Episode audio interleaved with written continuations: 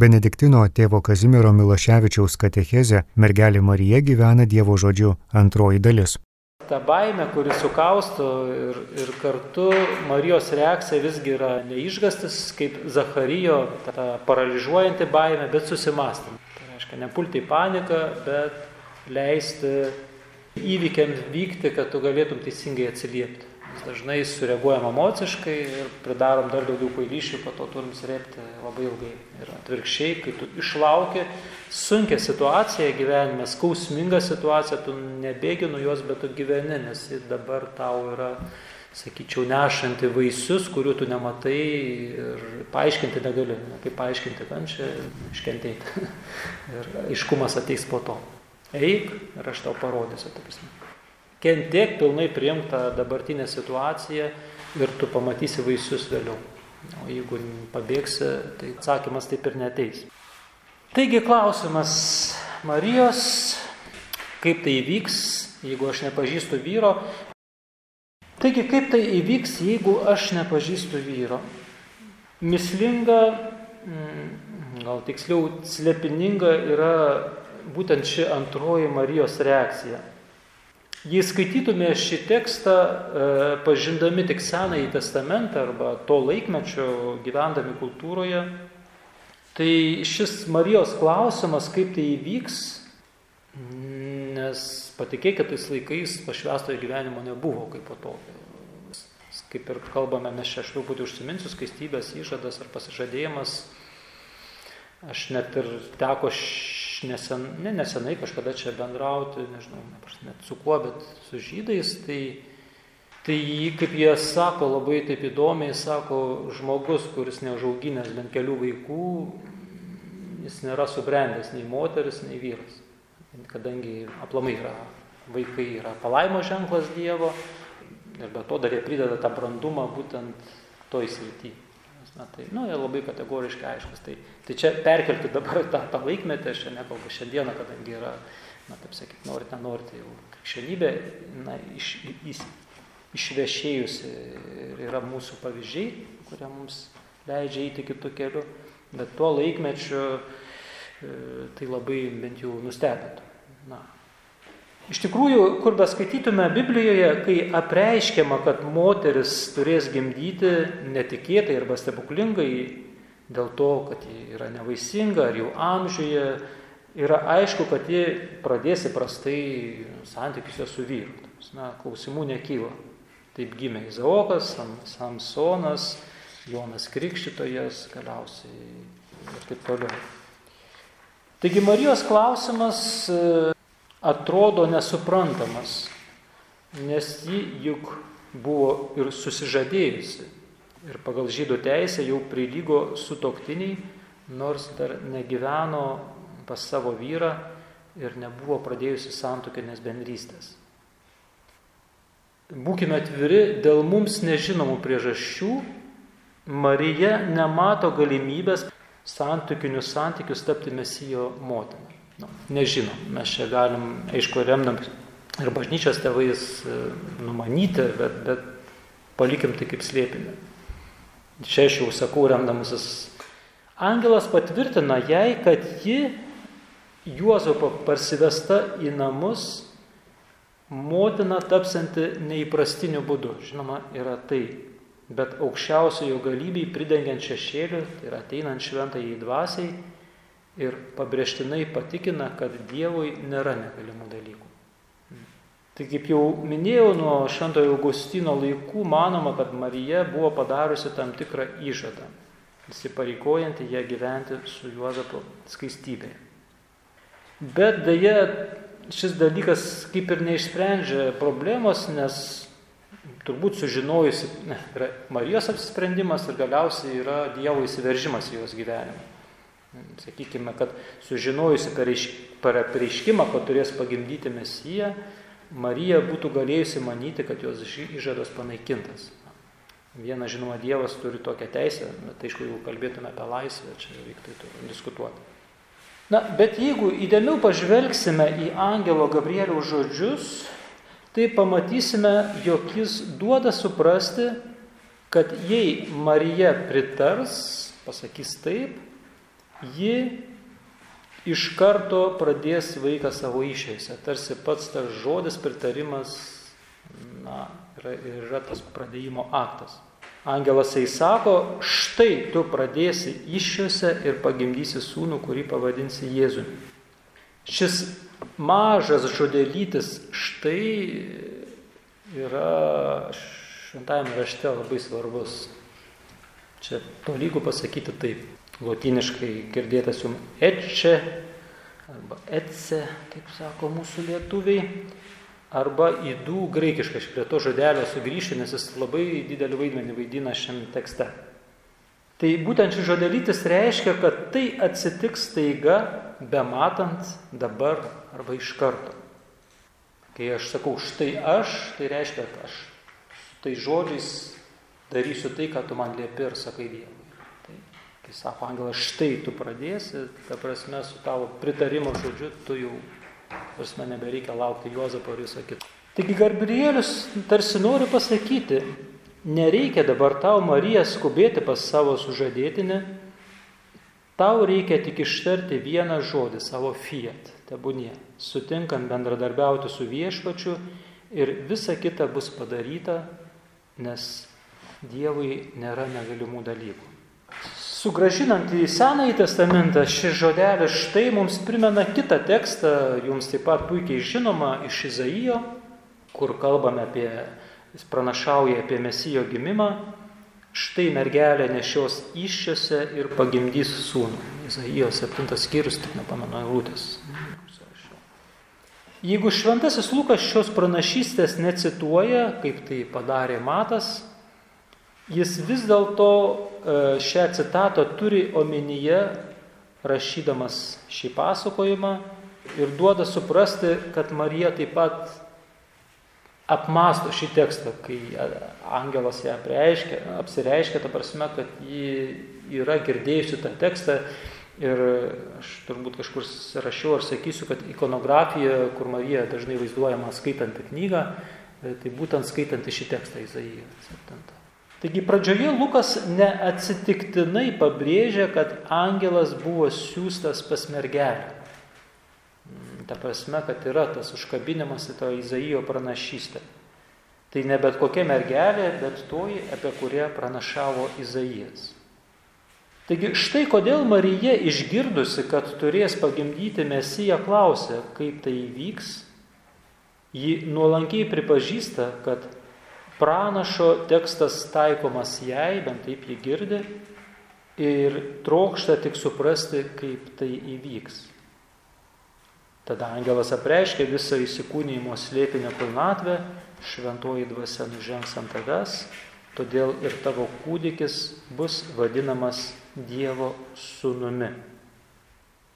Ir pokalbio pabaigoje, kągi mes matome, mes išgirstame trečią kartą tariamą štai kuris visą vainikuoja. Štai aš viešpatės tarnaitė, te būna man, kaip tu pasakėjai. Tris kartus nuskabėjo štai. Ir aš automatiškai pereinu būtent prie tos trečios Marijos reakcijos arba antros mūsų dalies, tai kaip Marija mato save. Ir iš tikrųjų tai yra tos Marijos atsakas, jos kuklus taip. Tai būna man, kaip tu pasakėjai. Kaip tai gražiai mums beatrodytų, aišku, ta pašaukimo scena, manau, kad ištartų šį taip, Marija savo širdyje turėjo nueiti ilgą kelią. Čia, aišku, scena labai trumpa, tik dialogas ir atsakymas, bet mūsų gyvenime dažnai tas gali nusitęsti keletą metų, kol mes ištarsime taip, o kitiems ir viso gyvenimo reikės. Taigi nuo, nueiti ilgą kelią nuo kūną kaustančios baimės iki visiško pasitikėjimo, kad Dievas įvykdys tai, ką pažadėjo. Ir savo pritarimą jį išreiškia dviem žodeliais štai aš, įdų ego, du trumpučiai žodžiai išreiškiantis gilų vidinį nusiteikimą ir visišką savęs dovanojimą. Jei pažvelgsime į graikišką tekstą, tai kas irgi mane nustebino, tai Marija ištarė iš tikrųjų tik vieną žodį. Kitai žodžiais tariant, štai esu tavo ir visa, kas yra manyje, yra tavo. Daryk su manimi, kaip tau patinka, gali veikti, perkesti mano gyvenimą, štai aš. Šią jaudinančią akimirką viename iš savo advento pamokslų dramatiškai pertikė Bernardas Klervietis. Jis buvo labai na, daug parašęs iš visų pamokslų apie Mariją, jam brangi tema.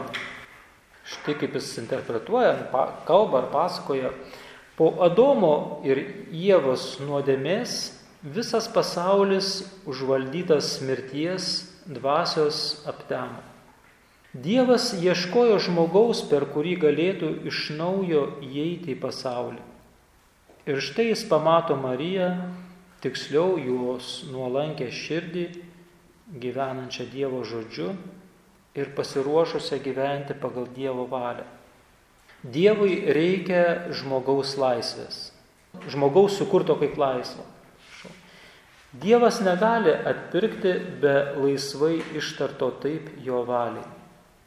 Apdovanodamas žmogų laisvę, jis tam tikrų būdų padarė save priklausomą nuo žmogaus. Čia galite šitą dalyką mąstyti, ką reiškia, kad Dievas tampa bejėgiu prie žmogaus tariamą ne. Taigi jo veiksmingumo gale, Dievo veiksmingumo gale tam tikra priklauso nuo žmogaus laisvo, taip išgaunamo ne prievartą. Taigi Bernardas Klervietis vaizduoja akimirką, kai angelui uždavus klausimą Marijai, dangus ir žemė, kaip jis rašo, tartum sulaiko kvapą. Ar ji atsakys taip? Ji dėlse, bet galiausiai iš jo širdies ateina atsakymas, te būna man, kaip tu pasakėjai. Taigi Marija tampa motina per savo taip. Bažnyčios tradicijoje, tikrųjų, bažnyčios tėvai sakydavo, kad ji tapo nešia per savo ausis. Tai yra klausydama. Ir daug yra tekstų mm, giesmių, kurios būtent taip apgėda jos tą, sakyt, pradėjimą per ausį. Taigi per jos klusnumą žodis ją įžengė ir joje tapo vaisingas. Šiame kontekste bažnyčios tėvai išplėtojo mintį, kad Dievas gimsta mumise, Dievas gimsta mumise per tikėjimą ir krikštą, per kurį logos vis iš naujo ateina pas mus, padarydamas mus Dievo vaikais. Labai gražiai apie tai rašo šventasis Sirenėjus, tas ad erezės, prieš erezijas, prieš eretikus kaip sako, kaip žmogus pereis į Dievą, jei Dievas nėra įėjęs į žmogų. Paklausimo formą. Kaip žmogus taps gyvens su Dievu, jeigu jame nėra Dievo. Arba kaip paliksite mirties gimimą, jei neatgimsite naujam gimimui, kuris išganimo iš mergelės ženklan Dievo įstabiai įstabiai ir nesuvokiamai buvo dovanotas per tikėjimą. Laiško žydams autorius, jeigu norėsite pasiskaityti, labai gražus tekstas žydams, laiško žydams dešimtas skyrius, penktas, septintos eilutės, įdeda į Dievo sunaus lūpas psalmės žodžius. Aukų ir atnašų tu nebenori, bet paruošiai man kūną tau nepatiko deginamosios atnašos ir aukos už nuodėmės, tuomet aš tariau, štai ateinu, kaip knygos rėtime apie mane parašyta, vykdyti tavo, o Dieve valios. Taigi tą pačią akimirką Marija panašiai atsako arkangelui Gabrieliui, štai aš. Taigi mergelės ištartas, štai aš tebūnie visiškai sutampa su Dievo sunaus ištartu štai ateinu. Ir šių dviejų štai aš paslaptis, štai aš ištartas sunaus ir štai aš pasakytas motinos, kurie būdami vienas kito atspindžiai, įkūnyje vieną Dievo meilės valiai Amen, mus iš tikrųjų žavi. Puikiai žinome, kad nėra lengva ištarti šiuos du žodelius ar tą vieną žodelį savo gyvenime. Jei negaliu jų ištarti, Dievas negali mumise veikti. Tam tikrą prasme mes uždarom jam duris. Kad Dievas veiktų, jam reikia mūsų laisvos valios, mūsų ryšto, mūsų bent jau leidimo jam veikti mūsų gyvenime. Tai štai yra būtent e, labai svarbu. Štai aš. Taigi ne todėl, kad Dievas neturėtų galios manęs perkeisti, bet todėl, kad Dievas nenori nieko daryti prieš mano valią be mano laisvo sutikimo ir pritarimo. Tai Dievo jautrumas, pagarba žmogui, sukurtam pagal Dievo paveikslą, tai yra pagarba laisvai. Manau, kad labai svarbu, kad tos pats santykiai būtų ir tarp žmonių, vieno ir kito, kur mes susitinkame tarp, tarp sutoktinių, tarp tėvų ir vaikų, tarp draugų, kur yra ta pagarba kitam, kad kitas visada lieka slėpinys. Negali žmogus pasakyti, nu, aš tave jau pažįstu kaip nulupta, nieko iš tavęs nėra ko laukti. Taip lengva tikėti, bet e, patikėkite, jau vienuolynę kartais tikrai matai seną vienuolį ir sakai, nu ko dar tu čia iš jo nori naujo, išpešti naujo, jau viskas suformuota, žinai, kaip jis elgsis iš anksto ir patikėkit, nustebina ne vieną kartą savo vis kažkuo tai kitu ir tai tik rodo, kad, na, kaip sakyti, jame veikia Dievo malonė ir jis visada gali pasitikėlti netikėtai, taip kad Tai, vat, tai ne, negalime niekada pasakyti, kad iš tavęs nieko nebegalima nu, išspausti. Taigi Dievas kantriai laukia mano ištarto ir nuolat tariamo štai aš, kad galėtų ateiti mano gyvenimą ir savo malonę jį perkeisti. Marijos štai yra lik raktas, slaptažodis, atverintis jam duris ir leidžiantis Dievui veikti joje. Jei pažvelgsime į Senąjį testamentą, Tai pamatysime, aš vis prieš to štai aš lieku, nes man tai labai asmeniškai svarbu ir tai, kadangi visas senasis testamentas tame skamba, tai pamatysime, jog ši ištara štai aš apibūdina Dievo žmogų ir jo laisvą atsiliepimą į Dievo kvietimą. Vienas iš įspūdingiausių Senojo testamento personažų, bent jau man asmeniškai, yra patriarchas Abromas, kuris vos išgirdęs Dievo balsą, netaręs nei žodžio, paklūsta jam. Čia pradžios knyga 12 skyrius, galite pažiūrėti, yra jo pašaukimo visa istorija. Taigi jis ištarė šį žodį štai ne burna, o veiksmu elgesiu. Taigi vos išgirdęs Dievo balsą, netaręs nei žodžio, paklūsta jam. Visa palieka ir eina, kur Dievas veda. Būtent į tą pažado žemę kurioje iš tikrųjų jis taip ir nepasilieka. Pačiu sunkiausiu gyvenimo momentu, pradžios knyga 22 skyrius, kuomet Dievas prašo jo paukoti savo sūnų Izaoką, galiausiai Avromas jau atsiliepia žodžiais štai aš arba aš čia. Ir hebrajiškai irgi vienas žodelis įchinenį. Pakeliui į Morijos kalną Izaokui užkalbinus savo tėvą Abraomą, ta prasme sūnų Izaokui, jis ir vėl atsiliepia aš čia. Jis atsiliepia taip pat sūnui, kaip jis atsiliepia Dievui. Labai labai yra įspūdinga. Galiausiai angelui sušukus, kad Abromas neaukotų savo sūnaus, jis ir vėl atsako aš čia. Štai aš. Ta prasme, tas gebėjimas būti čia ir dabar tiesiog neįtikėtinas. Taigi Abromas yra tikra Dievo žmogaus ikona. Žmogus, kuris atspindi savyje Dievą.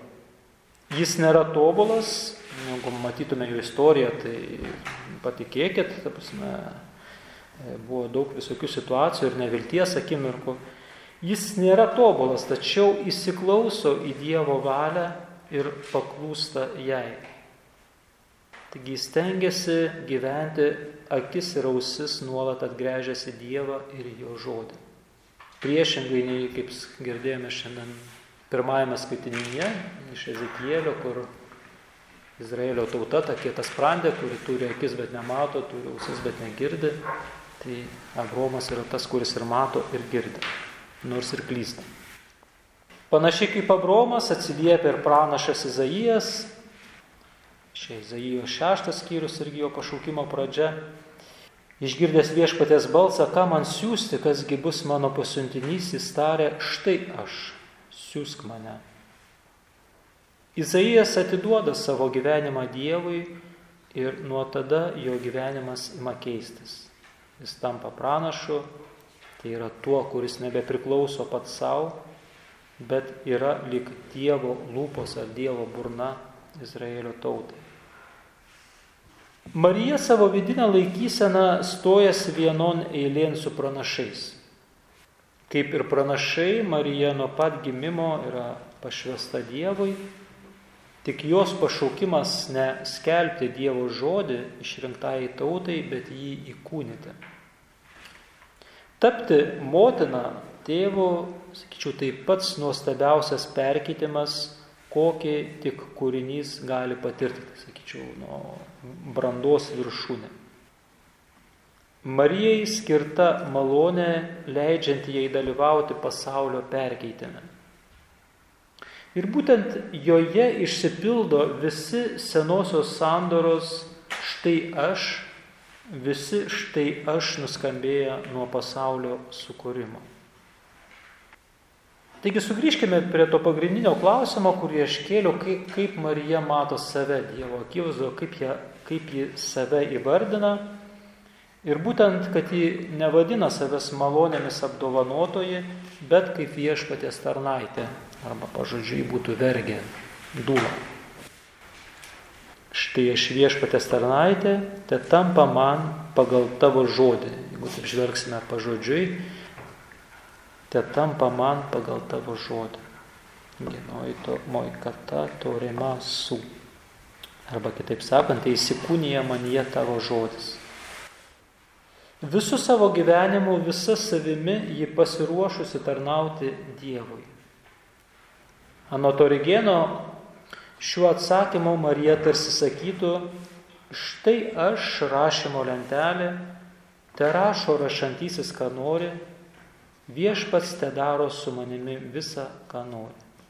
Taigi Marija mums rodo savo gyvenimu, kaip savo tarnavimo atsiliepti į Dievo malonę. Pasme, mes gaunam kiekvienas iš savo Dievo malonę ir kaip mes atsiliepiam. Tai yra, sakau, mūsų pašaukimas dovanoti save, bet būnant kiekvienam savo vietoje. Vienas augins vaikus, kitas dirbs dėl kitų, treti melsis vienuolynę, ketvirti dar kažką darys ir taip toliau. Visi esame, turime tą patį pašaukimą, kuris skleidžiasi labai įvairiai. Kaip dovanoti save kitam ar kitiems. Šito tą tikrąją prasme Dievo. Kaip atsiliepti tą Dievo malonę, tarnaujant. Taigi kokiu būdu Marija tarnauja Dievui, sakyčiau, nelengvu, nes ji sutinka palikti jau suplanuotą gyvenimą. Palikti jau suplanuotą gyvenimą. Ir eiti kartu su viešpačiu jo siūlomu keliu. Čia yra jos ta didžioji drąsa ir grožis. Mūsų gyvenime yra tos drąsos pakeisti savo gyvenimą radikaliai. Taip, kadangi ateina ta Dievo malonė, tas aiškumas, kad nebegalime vienaip ar kitaip gyventi, tai ypač kai, na, būdami netikintis, taiga pamatom tikėjimo grožį ir taip toliau, ir taip toliau. Būtent čia atsiskleidžia Marijos tikėjimas. Tikėjimas padeda peržengti mūsų žmogiškus sumanimus ar planus, nes Dievas yra didesnis už mūsų asmeninį likimą. Tai žmogiški sumanimai dažnai vyksta mūsų galvoj, mes mąstom, galvojam, kaip aš sakiau, Dievas kalba per širdį. Tikėti tai palikti savo seną gyvenimą, pradėti naują, nuo šiol jau kartu su Dievu. Dievas tampa mūsų bendra keliaivių gyvenime. Ir tai ne vienkartinis, o kasdienis apsisprendimas. Kasdien visą pradėti iš naujo. Kasdien mes kiekvieną rytą turime pakviesti Dievą šią dieną nugyventi kartu.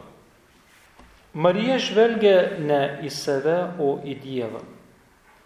Ji nesima veikti savo jėgomis, nes supranta, kad žmogui tai neįmanoma. Jis sako, te būna man, kaip tu pasakėjai, o jei išverstume kitaip, jo žodžiai būtų, tai įvyksta manyje tavo žodis, kad visa, ką tu pasakėjai, tampa tikrovė. Ne tik, kad įsikūnyti turi sunus, bet visas jos gyvenimas tampa perkeistas. Taigi veikiantysis šiuo atveju yra Dievas, kuris savo žodžiu visą kūrė ir visą keičia. Taigi Marija leidžia Dievui veikti tai yra leidžiasi būti perkeičiama Dievo malonės.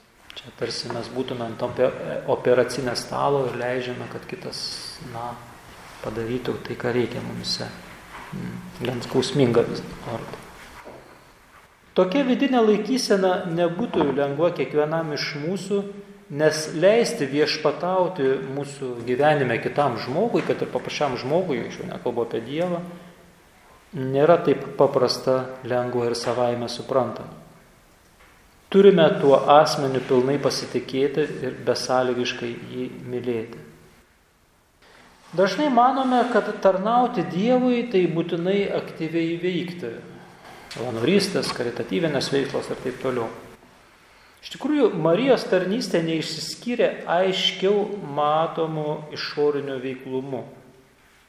Dievas ją pakviečia eiti motinystės pareigas išliekant mergelę. Taigi jos pagrindinė užduotis buvo užauginti ir išleisti į gyvenimą Dievo jai patikėtą vaiką. Ir aišku, dalyvauti jo gyvenimo istorijoje tiek džiaugsmingose, tiek skausmingomis akimirkomis. Nepabėgti, neišsižadėti. Taigi sutiktava būti Dievo motina, kaip ir daugelis motinų, savo mažyliui, kad teiktų gyvenimą, Marija atiduoda visą save. Kitaip tariant, kad kūdikis auktų ir tvirtėtų, ji kasdien turėjo nuolat rinktis tūkstančius savojo aš mirčių. Marijai buvo, juk nuo pat pradžių buvo apreikšta, jog jos sunus vadinsis aukščiausiojo sunus.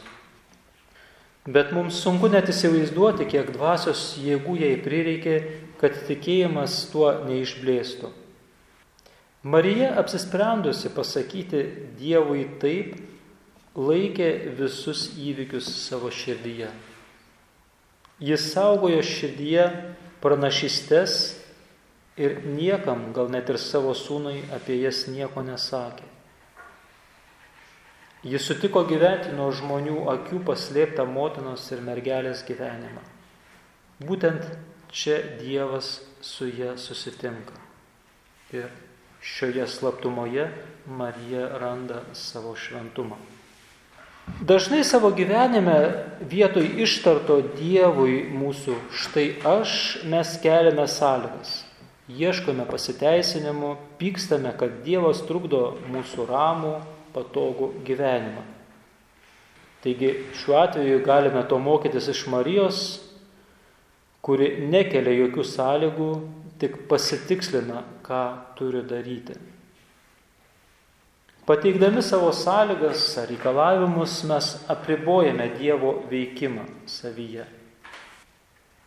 Norime įsileisti į savo širdį, bet skubame paslėpti tamsias kerteles.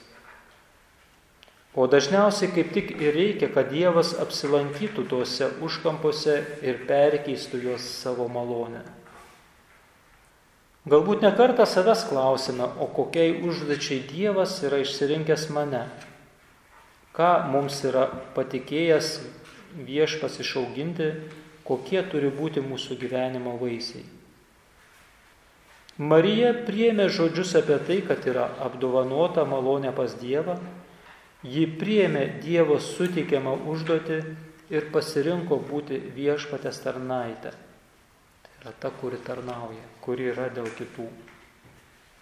Jis sutiko viskuo rizikuoti dėl Dievo. Taigi mokykime Marijos mokykloje klausytis tyloje Dievo balso, priimti jo žodį į savo gyvenimus, kad jis taptų kūnu.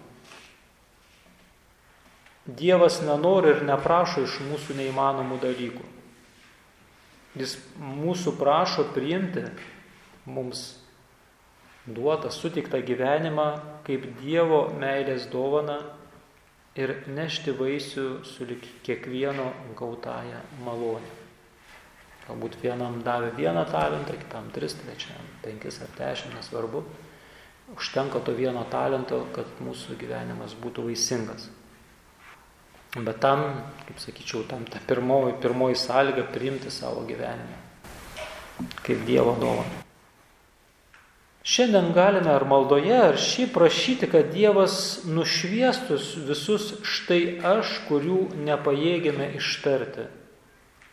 Parodytų mūsų kartais nesąmoningai keliamas sąlygas, vietas, kuriuose mes bėgame nuo Dievo malonės.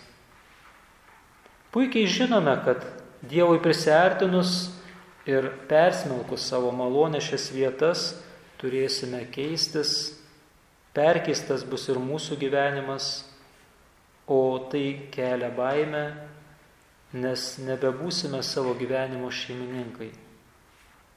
Ir vis dėlto išdrįskime tarti, štai aš arba tai vyksta manyje tavo žodis. Ir pabaigai, e, manau, kad labai svarbu išgirsti ir paskutinį Luko pasakojimo apie prieiškimą Marijai sakinį. Čia iš tikrųjų taip ir baigėsi ta, ta scena. Ir angelas pasitraukė. Susitikimo su Dievu, Dievo pasintiniu didžioji valanda, per kurią pasikeičia visas gyvenimas, praeina. Tai prasme, kur mes gaunam šviesos, kur suprantam, kad turim keisti gyvenimą, kad Dažnai tai būna po rekolekcijų, daug pasiryžimo, ir atvažiuojate po lendris, o čia viskas gerai, sugrįžti ir vėl prie tos suskilusios geldos ir nėra jėgų, noro, čia ir taip toliau. Tai, tai priimkite, kad ir Marija turbūt buvo pakilėta to susitikimo su, su angelu, kur jis pažada jai daug gražių dalykų. Taigi Marija lieka viena su savo užduotimi, kuria negali pasidalinti net su Juozapu iš tikrųjų, kuri dar pranoksta visas žmog, žmogaus jėgas.